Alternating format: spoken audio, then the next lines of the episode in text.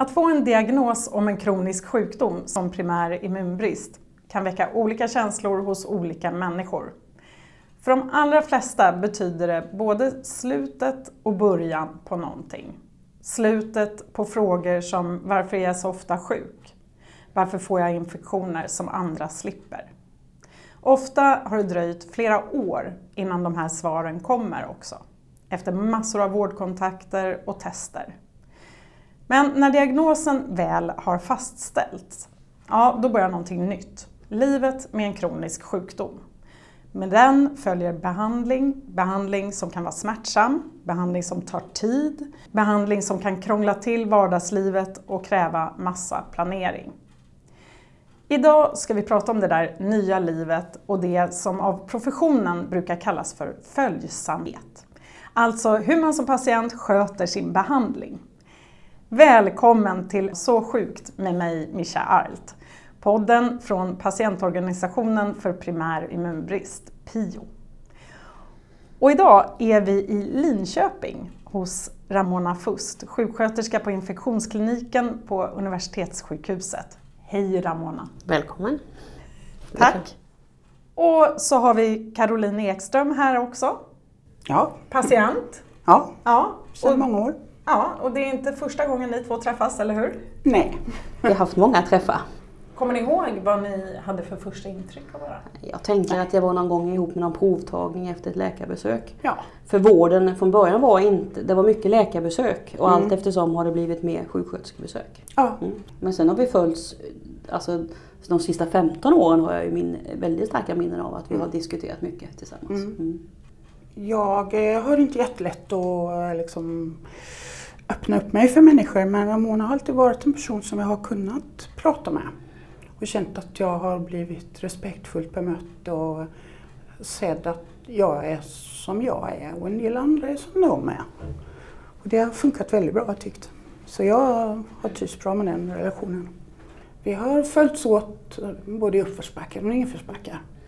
Och allt eftersom vi har haft en djupare dialog så har man ju också vågat ställa lite mer obekväma frågor också. Alltså det är ju en inkörsperiod att våga det tar ju tid att lära känna varandra och att man jag vill ju alltid vara, försöka bemöta respektfullt och, och att man tar den här vägen och att lyssna in. Det är alltid utifrån den jag har framför mig som är eh, Det är viktigt att utgå från det. Sen är det ju så, och det som är väldigt viktigt om man har kroniska sjukdomar, speciellt om man har många kroniska sjukdomar, att det är en människa man möter och inte en position. Om man hade haft eh, olika sjuksköterskor varje gång så hade det blivit bara jobbigt, så hade man inte orkat. Men eftersom det är Ramona som är sjuksköterska här och det är dig jag möter så växer kontakten på ett sätt som den inte skulle göra om, det, om, det var, om jag mötte olika varje, varje gång det var någonting. Eller det var ett möte eller hur det nu är. Utan att det är en person.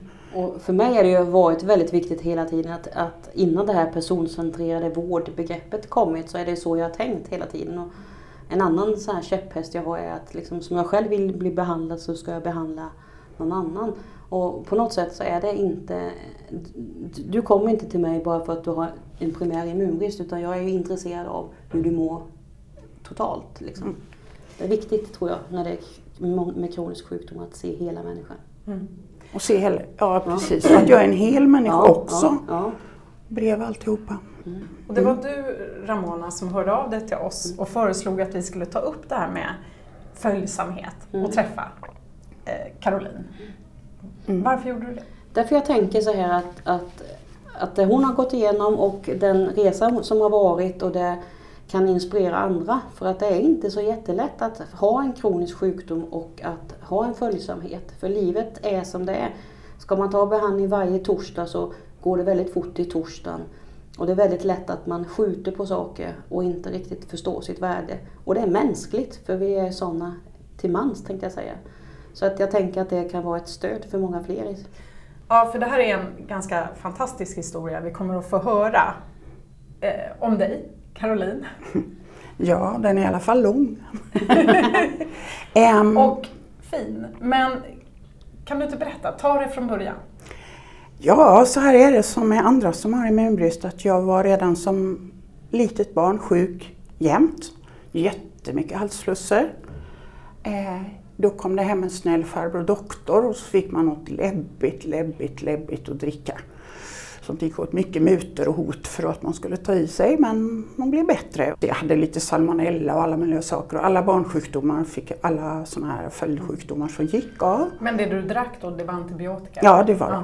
Och det var jättehemskt. På den tiden var det liksom inte utvecklat att barn inte tyckte om saker utan då skulle man ta det så skulle man ta det. Eh, och så började jag skolan men det gick inte så bra. Eller det gick ju bra att börja skolan men jag var ju borta väldigt mycket. Så under de här skolåren så fanns det år som jag var borta mer än jag var där. Och jag hann med åtminstone två skolkutredningar eh, där man hotade med att jag skulle få gå om för att så mycket sjuk som jag var kunde man bara inte vara. Mm. Men så var det lite pinsamt så att jag hade lite för bra betyg så att det var alltid någon snäll mattelärare eller något som kom och räddade mig i de här skolkutredningarna och sa att har man så bra betyg så kan man inte få gå om för då skulle halva klassen vara tvungen att gå om. Men hur eh, kunde du få så bra betyg? Ja, det vet jag inte. Jag är väl sån. ja, och det var ju på många sätt Speciellt när det började bli lite svårare på gymnasiet och sådär så var det ju jobbigt att hela tiden ja, bli sjuk. Och jag blev ju ofta sjuk när det var obekvämt. Så. Och jag var ju alltså sjukfrisk, det vill säga jag var ju med om mycket med 40 graders feber. Så var det ju. Mm. Um, ja, och det hände allt möjligt. Jag vet en gång jag fick en rostagg i fingret och fick blodförgiftning och höll på att stryka med. Då var jag väl 20 kanske och hjälpte min pappa i trädgården. Jag blev jättedålig. Och jag, på något sätt visste de att det var något som var lurigt för jag fick något som hette antikatarrvaccin som jag gick till en väldigt farlig doktor och fick varannan vecka. Och jag vet inte vad det är, det är ingen som har kunnat tala om för mig men jag har, fick det i alla fall. Um, en farlig doktor? Ja, jag tyckte hon var farlig. Hon var lång och stor och så hade hon de där sprutorna. Hon log aldrig. Ehm, och var, varje gång inledde hon samtalet med att säga, jaha är du här nu igen? Och vad svarar man då när man är 12 år? Eh, ja, fast jag går gärna när man ska få en spruta. Ja. Så att jag var hemskt rädd för henne. Eh, sen började jag på universitetet, en lång utbildning där. Och eh, det var ju, fortsatte ju att vara problem.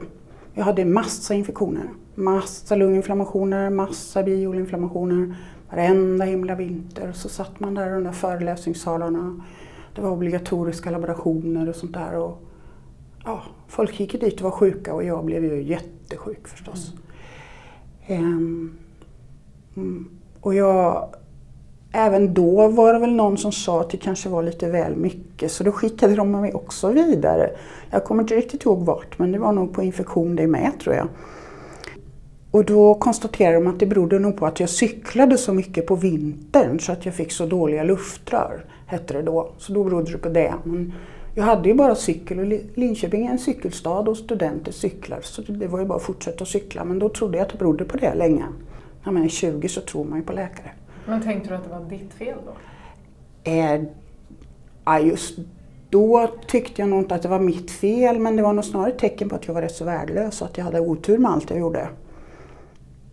Ja, sen började jag jobba och det var ju fortfarande så att jag var mycket sjuk och det var liksom diskussioner med någon slags företagshälsa där om det möjligen berodde på någonting. Men det var väl aldrig någon som gjorde någon undersökning egentligen. Sen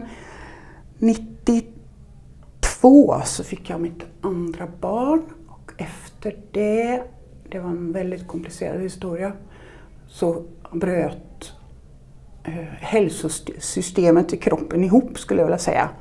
Då fick jag massa sådana här autoimmuna sjukdomar. Eh, jag hade väl haft dem innan men det var, man upptäckte dem då. Eh, så först pågick en lång diagnostiseringstid och jag fick eh, psoriasisartrit. Och så fick jag sån här hypotyreos också och sen så krånglade sockvärdena. Och så hade jag små barn på dagis så jag hade en vinter hade jag fem lunginflammationer och tio bihåleinflammationer. Mm.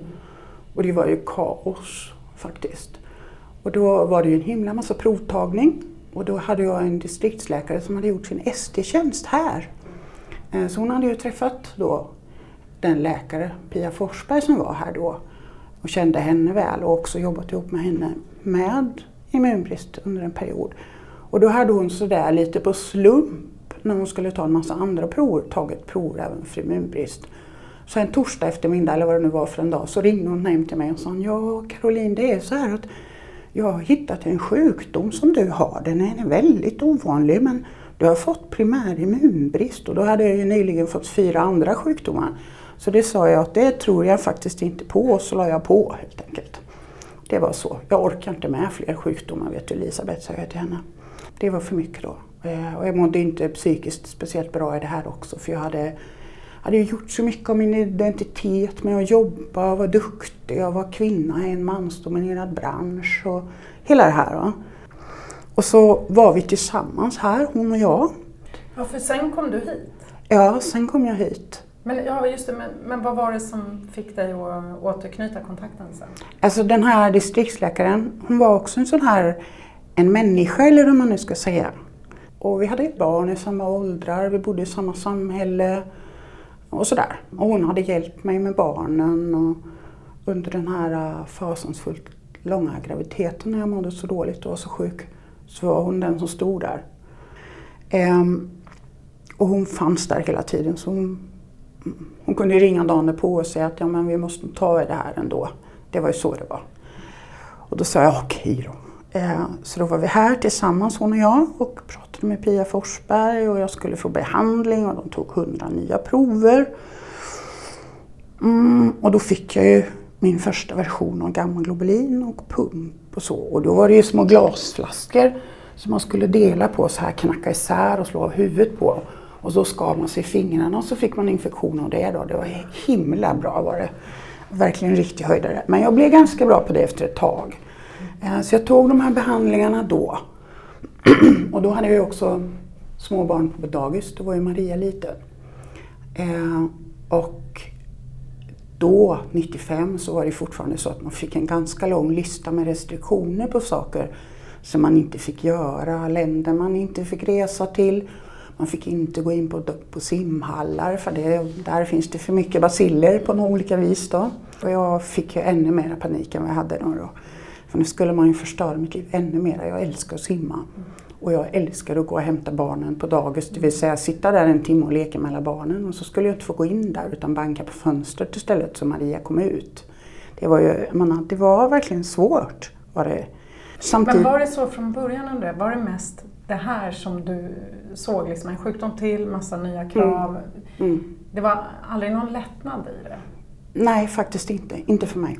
Jag vet att det är så för många andra. Och det borde ju kanske varit det eftersom jag har varit så mycket sjuk. Det var inte det. Jag såg det bara som ett ok.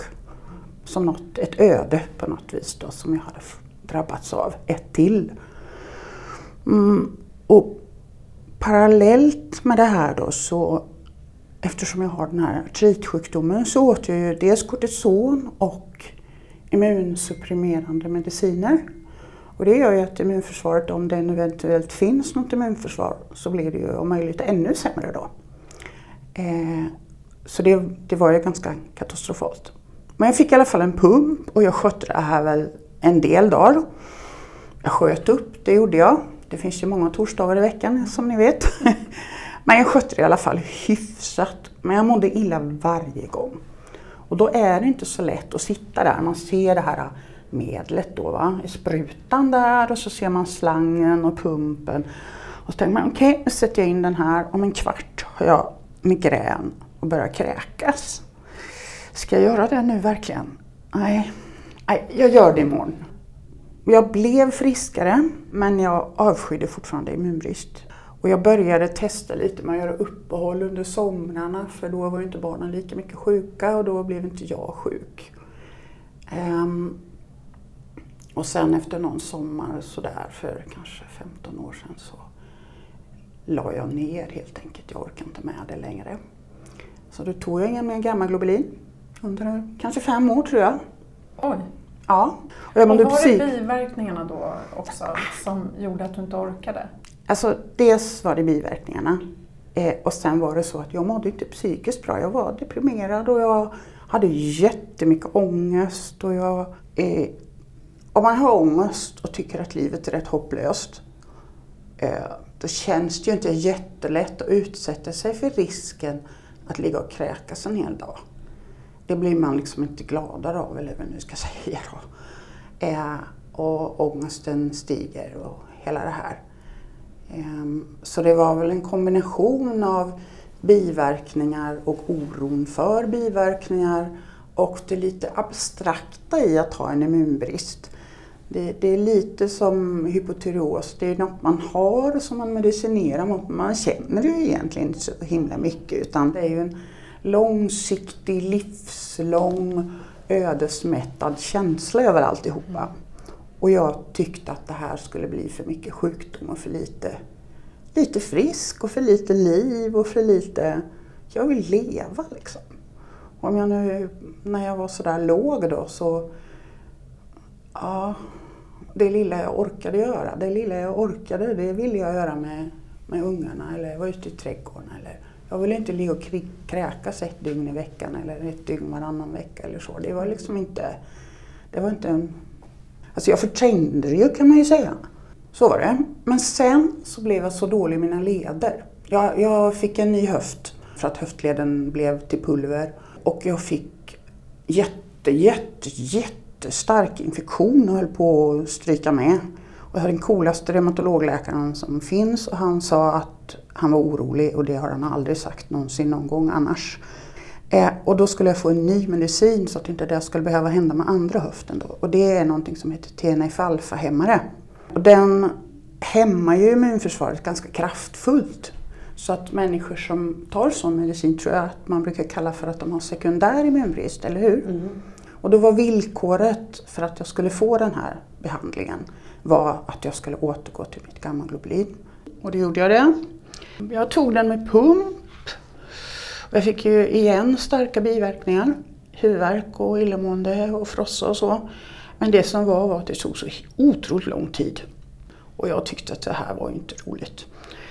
Ehm, jag hade ångest och jag fick ångest av att sitta still och jag glömde bort det och så. Och under den här tiden måste jag säga att alla peppade mig verkligen. Och han med TNF alfa-hemmarna sa också att ja, men nu måste du ta det här Caroline. Så jag gjorde väl det, jag vet inte, hälften av tiden kanske. Ibland var proverna lite bättre, ibland var de lite sämre och ibland hade jag någon lunginflammation och ibland hade jag ingen lunginflammation.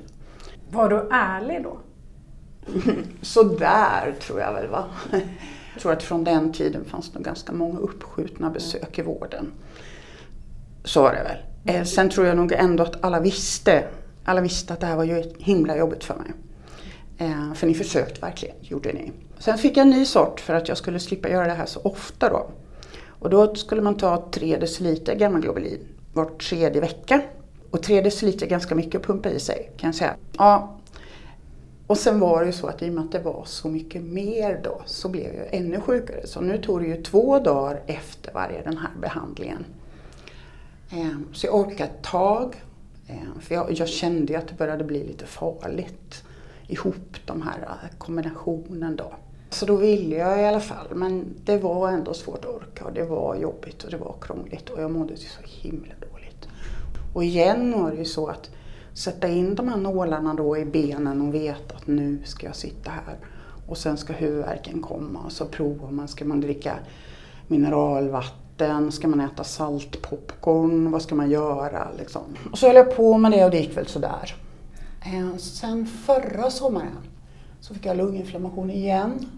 Och då fick jag det samtidigt som eh, den sjuksköterska som jag har mest kontakt med på vårdcentralen hade semester.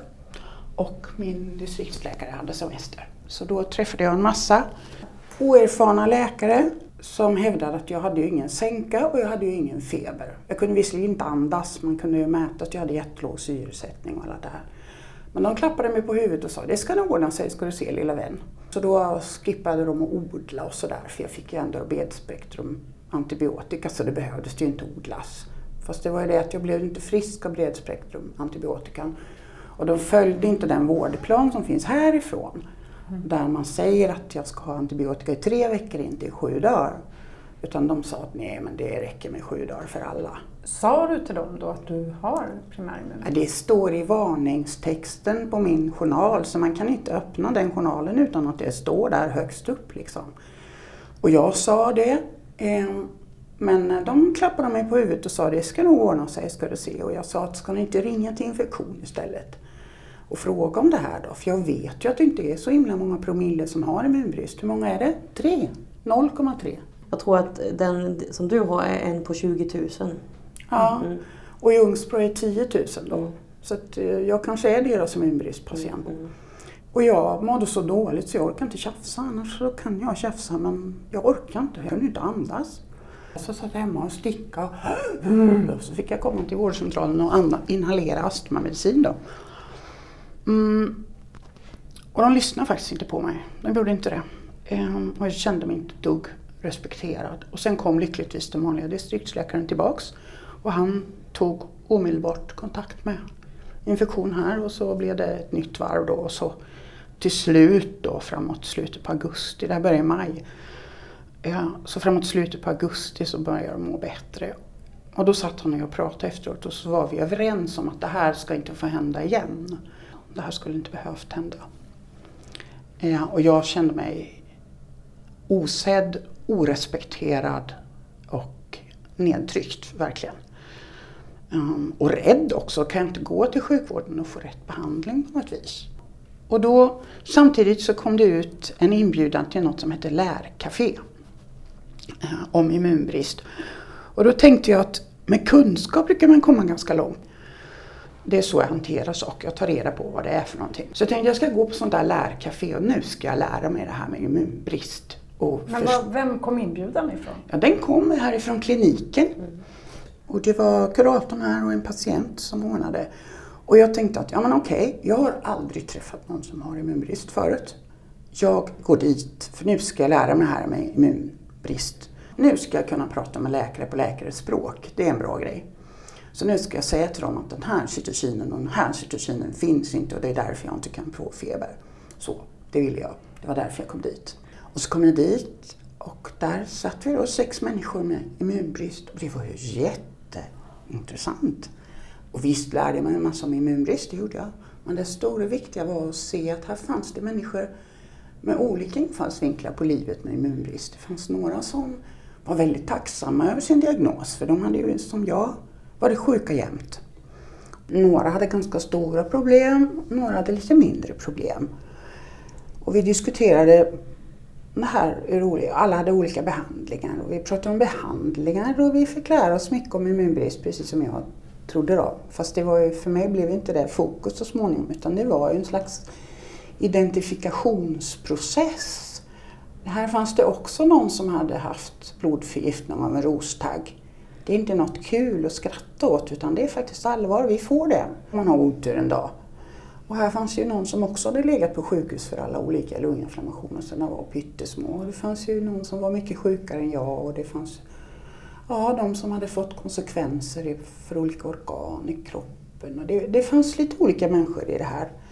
Och det fanns också några som, när jag sa att jag hatar min sjukdom, jag avskyr den, jag vill inte ha den. Jag, eh, efter, när vi skulle presentera oss då, så förklarade jag väldigt noga att jag tyckte inte om den här sjukdomen. Jag tänkte minsann inte så. Ehm, som sa att nej, men de tyckte inte heller om sin sjukdom men de löste det så att de gjorde det de ville göra. Men de skötte sina behandlingar för att kunna göra det de ville göra så bra som möjligt. Och få ut så mycket som möjligt av livet dessemellan. Och det var ju vare sig identifiera sig med eller ge upp som jag hade sett som de två möjliga alternativen. Det fanns faktiskt en tredje väg. Och, ehm, ja, det var en lite aha-upplevelse och jag tror faktiskt att det, det även förra månaden var en aha-upplevelse för vi fick själva be, och, be om att få folk komma dit. Så Ramona var där och berättade om behandlingen och det började, jag tror du sa två meningar, och så tittade du på mig och sa Är du här? Kommer du ihåg det? Ja, det gör jag. Kanske inte den jag hade tänkt svara ja på kallelsen. Nej. Men så var det i alla fall. Ja, så jag lärde mig att respektera min sjukdom där tycker jag skulle säga. Och eh, Ramona hjälpte mig igång igen och hon peppade mig att orka och att vi diskuterade det här. Och jag fick en behandling som bestod i att jag, jag nu då tar gammaglobulin tre gånger i veckan. Måndag, onsdag, fredag helt enkelt. Den ena dagen tar jag lite mer och då mår jag lite sämre. Då får jag lite frossa och lite huvudvärk och sådär. Men Då tar jag det sen på kvällen så går jag och lägger mig. Så sen dess så har jag med en kvälls undantag skött mina behandlingar. Och den kvällen hade jag 39,7 i feber och låg i sängen och yra så då får man väl säga att det var... Ja. Och i vinter har jag inte haft en enda lunginflammation. Jag har inte haft influensa. Och jag har ja, faktiskt varit eh, frisk i det stora hela. I alla fall vad det gäller infektionerna. När du berättar om det här mötet så, så du sitter och ler, Ramona. Nej, på lärcafé tänker du? Eller? Ja. ja. Nej, men jag, alltså, initiativet kom ju från mig från början för att jag hade har en väninna som jag samarbetar mycket med från Jönköping där man hade gjort den här lärcafé tidigare och som de hade positiva erfarenheter. Eh, vi valde att ha kuratorn med och en patient för jag tänkte att jag träffar patienterna rätt mycket ändå och jag tänker att det är nya människor, nya infallsvinklar kanske ger något annat så att vi kompletterar varandra. Eh, och, och, då skickade vi ut till alla och eh, jag hade kanske inte förväntat mig att du skulle svara. Men blev väldigt glad sen jag såg det där för jag tänker att man behöver sitta i grupp ibland och diskutera. Mm. Men hade du gett upp om Caroline? Jag har aldrig gett upp. Utan, utan jag har snarare Alltså jag har förstått vad biverkningarna beror på och det är därför att hon fick vara en bland de första som fick pröva en väldigt bra behandling med eh, faciliterad behandling. Men jag jobbar väldigt mycket tillsammans med läkarna och resten av gänget här att hitta det som blir bäst för varje individ. Så att det är därför vi kämpar på. Så ge, gett upp det har jag inte gjort utan tillsammans har vi pushat till någonting som blir bättre. Mm. Eh. Men hur, hur många år hade det gått? Från att du fick diagnosen tills att du till slut bestämde dig för ja, men jag kanske ska följa rekommendationerna för min behandling? Ja, så, eller jag fick diagnosen 1995. Ja. Så det tog ju typ 25 år, ja. Um, alltså i början följde jag ju rekommendationerna, det gjorde jag. De första tre, fyra, fem åren sådär. Mm. Men um, sen har ju det gått fram och tillbaks och jag har alltid gjort den, und, även om jag har gjort det så har jag gjort det under en slags inre protest. Jag avskyr det här men jag måste väl det då. Mm. Så. Men kan man säga att du accepterade den sjukdomen först efter det här lärcaféet? Ja, nu ska jag svara på det då. Jag har aldrig accepterat någon enda himla sjukdom. Jag kommer aldrig acceptera den. Men jag kan lära mig respektera den. Mm. Och det är det som jag gjorde efter den där lärcaféet. Jag lärde mig respektera den och se att det här är en del av mitt liv. Okej, okay, jag gillar det inte eh, och jag tänker inte identifiera mig med det. Men jag ska lära mig om det och jag ska sköta om det. Um, så är det. Um, Men kände du någonsin att eh, Ramona och andra inom vården gav upp på dig? Nej. Aldrig. Det är ju så Caroline att under alla år så har, man, har jag ju ringt några extra samtal ibland bara mm. för att se hur det är. Och, ibland har det, eh, och nu bestämde vi tillsammans, för då frågade jag dig hur vill du att vi följer upp det här? Vill, ja. du, vill du att jag ska ringa och kolla hur det är? Och då sa du ja, jag vill det. Mm. Och då ringde jag ibland efter behandlingarna och frågade om hon har tagit sin behandling och det, det var ju för din skull. Och, mm. och, och, det märktes ju att du hade en annan inställning och att det faktiskt var rätt kul att säga att du hade tagit din behandling med tror jag. Ja, det kändes ju så.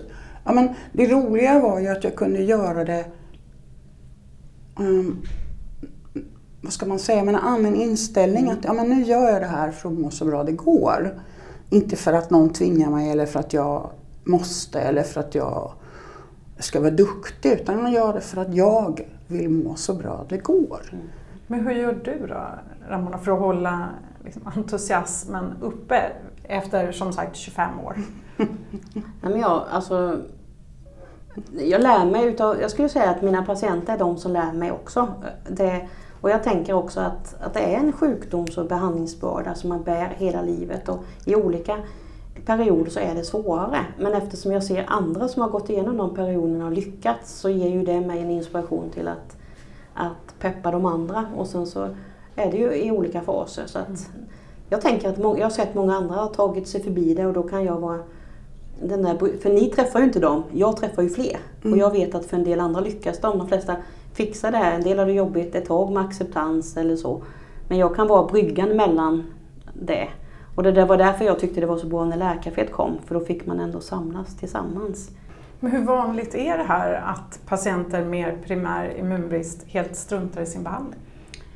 jag skulle nog inte säga att det är vanligt, men jag tänker att, att, att man tar den så regelbundet som vi ibland tror i vården att man gör, det gör man nog inte utan att det blir nog luckor ibland bara för att det är så mycket som händer i vardagen.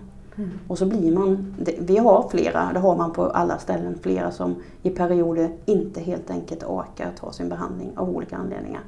För att det är återkommande jobbigt alltså. Men brukar de berätta det för er då eller gör de som Caroline och ringer när telefonsvararen är på? Avboka besök? Vi har ju ett värde, vi, vi, när man tar blodprov så finns ett värde som heter IgG. Och där är det liksom, vi tillför ju immunglobulin när vi ger behandling och det värdet är det som ser att behandlingen är tagen eller att det är rätt så bra. Men det är klart att ibland har vi låga värden och då frågar vi just om det. Hur har det varit med följsamheten till behandlingen? Och, och då kan det krypa fram. Men man kanske inte säger det. Man kanske hoppas att värdet ska vara bra även att man inte tagit sin behandling. Känner du igen det? Mm, ja. Men jag, har, jag tror inte att jag direkt har vad ska vi säga, jag tror inte att jag har sagt att jag har tagit mina behandlingar eh, när jag inte har gjort det. Däremot har jag kanske inte sagt att jag inte har gjort det. Och jag tänker att det är så vi oftast tänker att om man inte säger att man inte tar det så är det, det samma sak som att man tar det. Men att man faktiskt behöver fråga om det ibland. Att hur mm. är det egentligen? För att behöver man inte svara på frågan så kan man ju låta det vara. Liksom. Mm. Men det som ni har gjort fint är ju att i det läget när jag har sagt att nej men jag har inte orkat. Så har ni alltid, och du framförallt, sagt är det någonting vi kan göra för att hjälpa dig att orka ta de här behandlingarna? Och det har varit väldigt viktigt för mig. Det här med också att identifiera sig med sjukdomen och ta, ta in den och eh, inse att man kanske behöver göra behandling och sådär. Upplever du att det är många som har, har svårt att göra det eller som det tar tid för? Nej men det förekommer och, och, och, om det är jättemånga det kanske det inte är men, men jag tänker att varje människa har sin resa och det beror lite på vad man har med sig i bagaget. Det är inte bara den här sjukdomen utan som Caroline säger så hade hon flera diagnoser. Det har många saker att, alltså det, det är många saker att, liksom för att, att kunna acceptera. Mm. Så att jag tänker att det också ser olika ut och, och att det är därför det är så viktigt att man ser varje människa utifrån dens förutsättningar. Och det, det, men det förekommer absolut. Mm. Och, tänker, och du sa tidigare att mm. det är inte så ovanligt att man missköter sin behandling. Nej, det, nej men för, för att ibland blir det för mycket. Och vi glömmer ibland att fråga. Vi kan säga saker att så här ska man göra. Men vi vet ju egentligen inte hur vardagen är hemma. Det är så mycket som ska rymmas på den här lilla tiden hos läkaren. Och det blir mycket medicinskt. Mm. Vilket det ska vara givetvis. Men någonstans finns en hel vardag. Jag ska funka i hela vardagen. Och vi i vården ser dig en eller två gånger per år här. Men du lever alltså 363 dagar hemma mm. med dig hela tiden. Och vi, då kan inte vi vara proffs på dig. Utan Nej. det är ju du som är proffs på dig själv. Men vi ska vara stödet. Mm. Samtidigt får du väldigt mycket beröm här nu av Caroline. Mm. Att du har sett hela mm. henne. Hur känns det att få så här mycket beröm nu från din patient? Det är ju jättetacksamt, men vi har ju den dialogen när vi ses också. Och jag tänker att det är ett givande och tagande. Och jag, ja, jag är givetvis tacksam och det inspirerar mig till att fortsätta att jobba på det sättet jag gör. Så är det Men man brukar prata om det här med empowerment. Att sjukvården ska ge patienter stöd och ta kontroll över sin sjukdom och sitt liv. Och erkänna att man har en sjukdom men också välja aspekter i livet som man kan kontrollera själv. Är det någonting som du jobbar efter? Ja, det är det för att jag tänker att, att eh, jag vill ju att, varje, alltså, att patienten ska vara delaktig i sin vård och det är därför man känner att man vill höra patientens berättelse för att jag ska förstå vad som är en del av livet på något sätt. Mm. Om inte jag kan få vara del av den berättelsen så vet jag inte hur, hur det är. Och utifrån det vill jag försöka ge råd som är rimliga och som är gemensamt kanske överenskomna att man kan jobba ifrån. Så att, absolut mm. är det en jätteviktig aspekt. För att jag menar, vi, kan inte, vi sitter inte på facit. Vi träffar väldigt lite. Vi lever inte med sjukdomen. Vi lever inte i det sammanhanget. Så att, att vi kan vara ett stöd till egenvård och delaktighet är ju det viktigaste. Mm. Nu har, du har ju hört Caroline och följt henne länge. Hur tror du att hennes liv hade sett ut om hon hade liksom fått en fungerande behandling som du själv tyckte Caroline funkade redan när barnen var små? Framförallt så hade du ju sluppit flera infektioner, det är jag ju rätt övertygad om. Eh, men eh, det går ju inte backa det heller. Alltså det är ju som det är och nu är nu. Men jag tror att du hade haft färre infektioner och vi vet att infektioner tröttar också förstås. Det hade inte räddat alla andra sjukdomar ändå men visst hade du, tror jag, mått bättre, det tror jag. Om vi har någon som lyssnar på det här nu, som precis har fått sin diagnos och som känner lite grann som du gjorde Caroline, att nej, nej, nej, nej, nej, nej, det här vill jag inte. Har du nått ditt bästa råd till den personen? Hitta någon att prata med om det här. Som kan se, som inte bara säger du måste ta din behandling. Utan som eh, kan se just det hon beskriver, att livet är livet. Mm. Och sen är det att försöka hitta sätt att leva sitt liv ändå. För det är inte livet, det är en sjukdom. Ramon? Nej, men jag tänker liksom att det, det viktigaste är att bolla det med någon. Alltså att, att försöka eh, fråga någon om man vågar ringa till sjukvården och fråga kan du hjälpa att jag får prata med någon eller att man ringer någon patientförening eller någonting. Att, att sitter man där med tankar att man inte ska sitta med dem själv utan att hitta någon att diskutera med. Och att, eh, att vi då tillsammans gör en vårdplan så att det blir bra så att man ska bli respektfullt bemött. Och eh, jag har en solskenshistoria som var en som vi gjorde en vårdplan på en annan vårdcentral för en person som inte upplevde heller så jättebra eh, hjälp. Vi, och då så kände han att det var en snara för sitt liv när han var sjuk. Och så åkte jag dit och undervisade dem det och eh, skaffade en kontaktsjuksköterska till hans, eh, den patienten. Och då skrev han till mig sen, det som var en snara för mig innan har blivit en livlina. Så det behövs inte så mycket, men det behövs att man vågar gå utanför det man har här och tänka, hur gör jag det? För jag menar den personen som sitter i vårdcentralen gör ju inte saker av elakhet, men det är så ovant för dem som känner inte till det. Men får man kunskap så kan man också bemöta. Så då tänker jag att då har vi en viktig roll från vården att, att ta oss ut och hjälpa. Och att man ser till att det finns bra kontaktpersoner. Så det viktigaste är väl om någon kommer in här som upplever att det är jobbigt, att man vågar bolla det och att vi försöker hjälpa till helt enkelt. Mm. Jag känner mig nästan lite stolt över mig själv. Att efter alla 25 år av motspänstigt så avskyr, hatar, um, så, så kan jag äntligen förhåller mig på ett annat sätt. Det är lite som en terapeutisk process nästan. Ehm, och ni pratar ibland om att identifiera sig med sin sjukdom. Men jag, jag får panik när ni säger så. Jag tänker baska mig inte identifiera mig. Jag gör inte det. Jag ska respektera mina sjukdomar. Men jag är Caroline och jag gillar att vara ute i trädgården. Jag läser litteraturvetenskap på universitetet. Jag stickar. Jag är en kreativ människa. Jag är logisk och jag är alla möjliga saker. Men jag är inte reumatiker. Jag är inte immunbristare och jag är inte diabetiker. Jag är Caroline. Toppen. Stort tack båda två. Tack så mycket. Nu är det dags för Anders Fast att svara på en lyssnarfråga. Anders svarar och förklarar. Jag har frågor angående ärftligheten av immunbrist. Vad finns det för råd, rön och forskning kring det? Det är en stor fråga. Det finns idag ungefär 400 olika primära immunbrister. Ärftligheten varierar mellan alla dessa olika. En del ärvs så, så att det är bara pojkar som drabbas. De flesta ärvs så att både mamma och pappa måste ha ett anlag för sjukdomen och då finns det en 25 i risk för att syskon ska få sjukdomen. Och så finns det de där vi inte känner ärftligheten.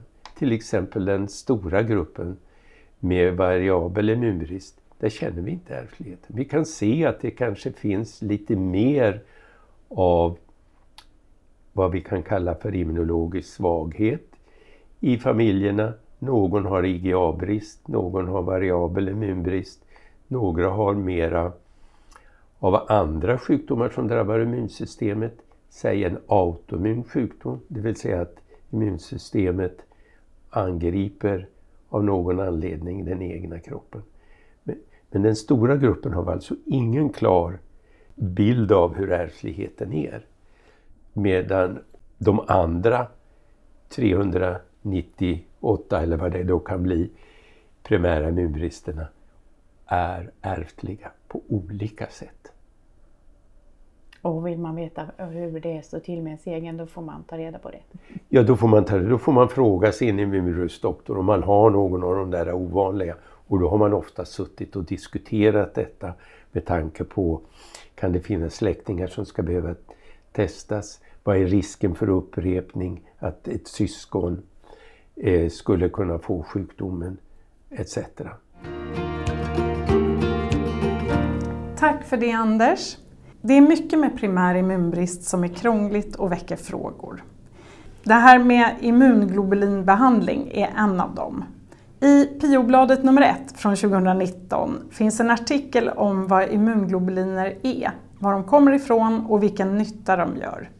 Men här kommer lite kortfakta.